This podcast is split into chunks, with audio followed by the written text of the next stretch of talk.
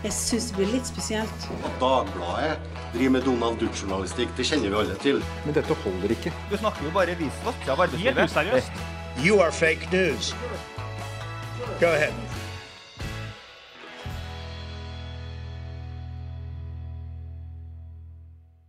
I dag bisettes Ari Behn i Oslo domkirke. Forfatteren, kunstneren, pappaen til tre av kongens barnebarn begikk selvmord første juledag. Den triste nyheten har preget mediebildet i romjula, ikke bare i pressen, men ikke minst i sosiale medier, hvor folk har delt minner om Ari og vært åpne om selvmord i familie og blant venner. Og Aris familie har fått mye ros for sin åpenhet om hva som har skjedd. Det har vært eh, ganske uvanlig egentlig å omtale selvmord i pressen. Det er til og med en egen paragraf i Vær varsom-plakaten om det. Og hvorfor er det sånn, politisk redaktør Geir Amfjell? Det er fordi uh, selvmord historisk sett har blitt betraktet som noe som uh, kan smitte. Altså at omtale av selvmord kan føre til at andre gjør det. Det har vært en forståelse av dette helt siden uh, 'Den unge Werthers lidelser' i Tyskland, en roman som ble publisert for, uh, for lenge, lenge siden. Da ble det påstått at det fulgte en selvmordsbølge i, uh, i kjølvannet av den publiseringen. Og siden har dette vært et tema som pressen har vært veldig oppmerksom på. At faren for smitte som selvmord, omtale av selvmord kan medføre, er noe som Eh, gir et eller det hviler et tungt ansvar på mediene å, å, unngå det. Men det har blitt myket opp de siste årene. Det handler vel om at kodene i samfunnet har endret seg. Selvmord har vært en mye mer skambelagt ting tidligere. Jeg er knyttet opp til religion og kristendom, men det er nå i vårt mer sekulære samfunn. Uh, og det har vært etterlyst åpenhet rundt også ubehagelige ting i pressen, og dermed også selvmord. Så fra å ha vært et, uh, et uh, felt som man har gått omveier rundt, så omtaler man det nå. men man omtaler det kun hvis familien selv ønsker det, og man omtaler ikke metode. Det er en regel som alle i norsk presse som Eh, er del av den og, og eh, etablerte pressen, respekterer og, og, og hegner om. Og vi er, eh, er ganske omtenksomme i uh, omtalen, og hvordan vi presenterer sakene er i hvert fall noe som diskuteres mye. Og vi hadde bl.a. her i Dagbladet med en egen eh, boks i alle saker vi publiserte, hvor det var eh, viste til nummeret til hjelpetelefoner, f.eks. Ja, det var tidlig etablert som et slags direktiv fra reportasjeledelsen på desken i Dagbladet, allerede fra da nyheten sprakk første juledag, om at alle saker om Ari Behn skulle inneholde opplysninger om hjelpetelefon, en eh, faktaboks som måtte med i alle saker. Og det har vært en voldsom eh, pågang på disse hjelpetelefonene. De sier at det er steget, antall henvendelser er steget med 100% De har hatt åtte, mellom 800 og 900 henvendelser i uh, halve døgnet. Så det er uh, Det viser også at, uh, at, det trengs å snakkes mer kanskje om, om slike hendelser. Det har jo vært mye Generelt så har det jo vært mye oppmerksomhet rundt selvmord rundt juletider fra før av. så dette er jo en tidspunkt en periode av året hvor folk er bekymret for folk som er alene. Det, man skal liksom ikke være alene i jula. Så jeg tror det var en latent uh, stemning for å rekke ut en hånd og for å gjøre oppmerksom på at uh, her finnes det hjelp hvis du trenger Og det reflekterte ikke minst kanskje i, i uh, sosiale medier, for det er jo den nye virkeligheten. At vi har sosiale medier hvor, hvor folk gjerne bruker det til å uttrykke sorg og sterke følelser. Og kulturredaktør Sigrid Witzen, hvordan, hvordan opptrådte dette her? Jeg syns det minnet Det var en voldsom flom av følelser, og folk var veldig åpne og snakket om, snakket om lignende opplevelser i egne familier osv. Altså, Ari Behn var et menneske som alle i Norge kjente til, og alle i Norge hadde et nært forhold til, kan du også si, selv om man ikke kjente han personlig. Da. Eh, så da eh, han gikk bort, så begynte jo alle å skrive ned sine egne følelser rundt dette mennesket som de kanskje følte at de kjente. Eh, og da begynte det å renne inn personlige historier, som du sier. selvmord i egen familie, mørke tanker, møter med Ari. folk uttrykte at de syntes at dette var veldig, veldig trist selv om de ikke kjente han personlig. Så den, si, den kondolanseprotokollen som nå er lagt ut uh, i domkirken, begynte allerede den første timen etter at dødsbudskapet kom. Jeg visste at uh, I sosiale medier, da. Fordi de fleste tok til tastaturet. Det er en slags moderne, altså det er en moderne måte å sørge kollektivt på, da, som er ganske fin, egentlig. Men hvordan fungerer det da? Er det, at, er det sånn at vi kan, eller ønsker, eller sitere fritt fra sosiale medier? Man kan jo egentlig aldri sitere fritt fra sosiale medier, for man vet jo aldri om det som står der er riktig eller sant, eller noe man har funnet på, eller hvilken, si, hvilken sinnstilstand mennesket som har skrevet det, er i, da. Eh, så når Dagbladet eh, refererer til sosial, poster som er lagt ut i sosiale medier, så tar vi kontakt med den som har skrevet det også. Mm. Som regel. Mm. Mm. Og, og, og unntaket er hvis det er på en måte Jeg kjente Ari, og han var et flott menneske. Det er en ufarlig ting å sitere. Men jeg har også følt på mørke tanker, og jeg har da Når man begynner å gå inn i, eh, på, i, veldig personlige ting, ja. så må man jo ta kontakt. Altså, det er jo stor forskjell når kongehuset legger ut uh, noe, så siterer man jo det, for da er det jo å regne som en pressemelding. Mm. Men privatpersoner som legger ut noe, er ikke å regne som en pressemelding. Nettopp, og der må vi ta hensyn til at uh, det også kan føre til indirekte identifisering. Mennesker som kjenner igjen omstendigheter som kan være Eh, skjult for de fleste, men som vil være åpenbart for en, eh, en rekke lesere. Man må være veldig veldig forsiktig egentlig når man siterer folk eh, det de skriver i sosiale medier. Også når de skriver på blogg eller legger ut podkast. Det er ikke alltid det de sier. Podkast er uh, Vær varsom-plakatområdet, det vet vi alt om. Ja. Men responsen har jo vært enorm, og, det er påfallende hvor mange som forteller historier hvor, hvor de på en måte prøver å korrigere et bilde som de har oppfattet av han, at han har blitt litt dårlig behandlet i mediene. Eh, eh, og de forteller da om møtet med en fyr som var veldig snill, raus, hyggelig.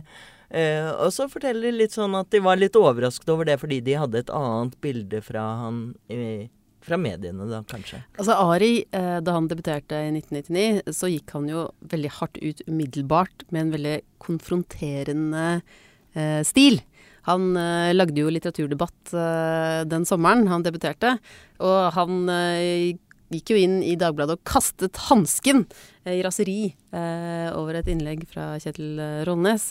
Så han var jo konfliktsøkende også. Og de kalte seg Den nye vinen. Altså han, han gikk inn på teaterkafeen og ropte det ut, ropte det fra, ut. fra, balkongen der. Det er jo hvem var liksom den nye vinen, og hva besto det i?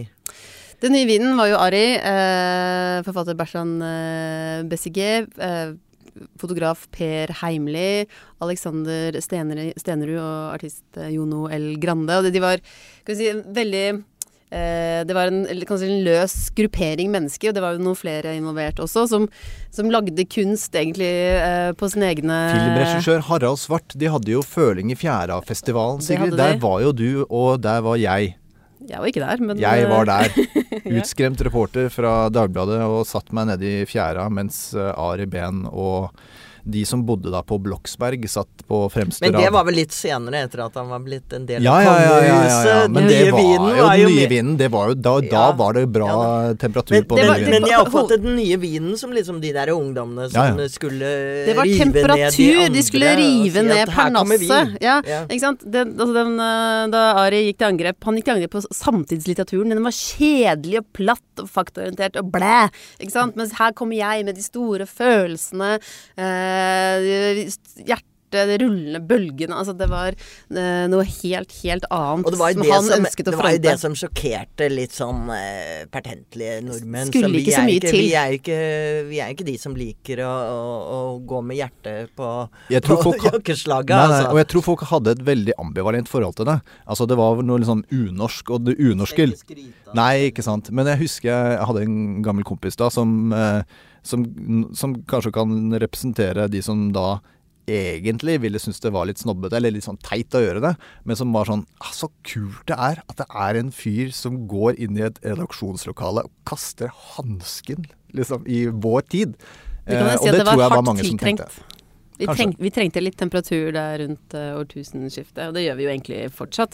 Det er jo ingen som er som Det er bra for oss i eh, pressen. Det er bra for oss i pressen, mm. og det er mm. ingen som egentlig er sånn som Ari, som klarer å bygge en slags sånn pop popstjernestatus ut av en veldig, veldig tynn novellebok. Det er jo helt uhørt. Da, han fikk jo da sekser for, eh, for eh, sin debutbok 'Trist som faen', som han tatoverte på skulderen. Eh, Det husker vi alle. Ingenting kan toppe det, egentlig. Men han Marte klarte det ved å gifte seg med selveste prinsessen, eh, hvor han, eh, hvor han snakket om lysfontene. Og de hadde et eget fargetema, husker jeg, på liksom hele Som var rosa og lyseblått, var det det? Jo, det var noe sånt, ja. Lysegrønt mint var det kanskje. Og, nei, så jeg tror nok Imponerende at folk detaljkunnskap her, Maria. ja, men det var jo Altså, det er jo Det er jo klart at en sånn person, eh, stor personlighet, som tar så mye plass, vekker motstridende følelser, tenker jeg. Ja. Og at han egentlig kanskje ikke hadde så mye imot det. Nei, altså han var jo en, si, en kontrastenes uh, mann. Ikke sant? Han var konfliktsøkende, men han var også ekstremt raus. Altså, jeg husker jeg har skrevet om det selv. Jeg fikk jo en mail fra han da jeg var helt ny journalist, og han var på topp, hvor det bare sto 'Jeg syns du er flink, fortsett med det, Ari'. Og det er jo en sånn liten mail kan jo bety veldig mye hvis den kommer eh, på det riktige tidspunktet. Så han var en raus. sånn fyr. Fra en sånn fyr, ja. Så han var jo raus og strakk ut hånda til eh, alle de andre. Han dro liksom med seg eh, et helt kultur, kulturliv inn i si det fargerike, da. Det Han var inkluderende, og det er jo noe som også kjennetegnes ved Per Heimli. Eh, omtalen av, han, av hans venner, som eh, han var nær venn av, eller er nær venn av Ari Behn, eh, omtales også på samme måte. Det er aldri, liksom, det er aldri en eh, kald skulder å møte. Eh, men så giftet han seg da med prinsessen og ble en del av liksom kongefamilien. Og Jon Rognlien, vår kommentator, eh, anmelder her i huset, han skrev i romjula kommentaren 'Gutten i gullburet', hvor han, hvor han jo beskrev hvordan det kanskje er litt vanskelig å være en fri kunstner inne i kongehuset. Du Mm. sitter i gullburet, bokstavelig talt, Mm. nesten. Det er eh, Og det er jo nesten kanskje umulig, men eh, hvordan klarte han det? Nei, det Han gjorde jo det egentlig ganske, ganske bra. Han fortsatte jo å gi ut uh, bøker til Han ga ut bøker, han skrev uh, skuespill, han lagde en Eller han har lagd eh, bestikk og servise med Magnor glassverk, og han begynte å male. Så, og han lagde TV-serie, så han eh, begrenset seg ikke selv om han havnet inn i kongehuset, men det er jo helt klart at da får man et litt annet blikk på seg enn det man hadde tidligere. Eh, Det er det, det kanskje- er det umulig å ikke ha, sette det inn i en slik kontekst. Det blir og bøkene bøkene blir lest i den konteksten. Ja. Eh, TV-programmene var det jo liksom, ikke sant, hvor han var i Las Vegas. Med kokain og sånn stripper og, og- ja. ombrust, Og Mm. Mange slike ting som han kunne gjort som en fri kunstner, ville fått en helt annen mottakelse. Han ble jo ofte omtalt som svigersønnen fra helvete, men jeg tenker at, sånn, eh, at kanskje alle familier trenger eh, litt mer, eh, litt mer stripping i Las Vegas. Ja, nei, jeg bare tenkte at det er, han, er han ga jo ja, nei, han, var jo, han var jo, ga jo liv til familien, da. Eh, ikke sant? Og han eh, røsket litt opp i de, kan si, de eh, veldig strenge reglene for oppførsel som eh, konvensjonene. Jeg, men jeg tror også at, jeg syns at det var en veldig eh, interessant kommentar som Jon Rognlien hadde, fordi eh, jeg husker jo selv dekningen av de første romanene hans etter at han ble en del av kongefamilien. Og det var en veldig pussig dekning av eh, litteratur, og man kan jo liksom bli litt selvpiskende på vegne av eh, mediene i en sånn sammenheng. Men, men jeg tenker også at hva annet kan man forvente? Når du er en del av den eh, offisielle eh, kongefamilien i Norge, når du er eh, en del av eh, systemet som er det norske statsoverhodet, og så skriver du en, en roman som da tolkes bokstavelig, og plukkes eh, fra hverandre i, eh, i biter. Ja, ja, Det- det, er- vanskelig, det er vanskelig å være fri kunstner Du i et kan jo si det er jo nesten et eh, problem at de fleste romaner om dagen plukkes fra hverandre og tolkes bokstavelig, ikke bare romaner av Ari Behn. Det er, eh, Mm. Det er en lang annen det er en lang og en annen Det er- eh, Eller jeg tror vi har hatt noen episoder om det ja, tidligere, jeg faktisk. Tror vi har hatt Det- Men, eh, men eh, det er jo kommet frem, apropos at man nå leser mye av intervjuene hans og bøkene hans på en annen måte i lys av selvmordet. Og at uh, det hadde vært mange varsler. Han har snakket mye om mørke, og at han slit, eh, slet med psykiske problemer. Uh, og så sier man at uh, her burde man sette større Man burde satt større pris på han mens han var i live. Mm. Men jeg har jo samtidig fått det bestemte inntrykk i løpet av disse dagene at han hadde en stor eh, vennekrets og kjærlig vennekrets som var veldig glad i ham, og en familie som støttet opp om ham. Mm. Så det er kanskje viktig å si at dette er ikke Altså åpenhet er veldig viktig. Det at man sier at man er glad i hverandre, er viktig. Men at uh, psykisk helse handler om så veldig mye mer, og at det er mer komplisert enn det. Og at vi vet for lite om årsakene, kanskje. Erna Solberg var jo inne på dette i nyttårstalen sin. Mm.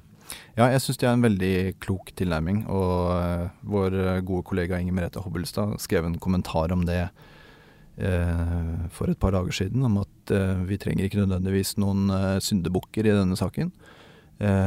fordi psykisk sykdom, som du sier, kan oppfattes og oppleves så forskjellig fra person til person, og det egentlig ikke er noe mer uh, å gjøre enn å vise omsorg for familien i en sånn situasjon som det er. Og det tror jeg har vært viktig for, uh, for pressen å gjøre de siste, siste, par ukene. Og mitt bestemte inntrykk er at de aller fleste i Norge tenker på samme måte.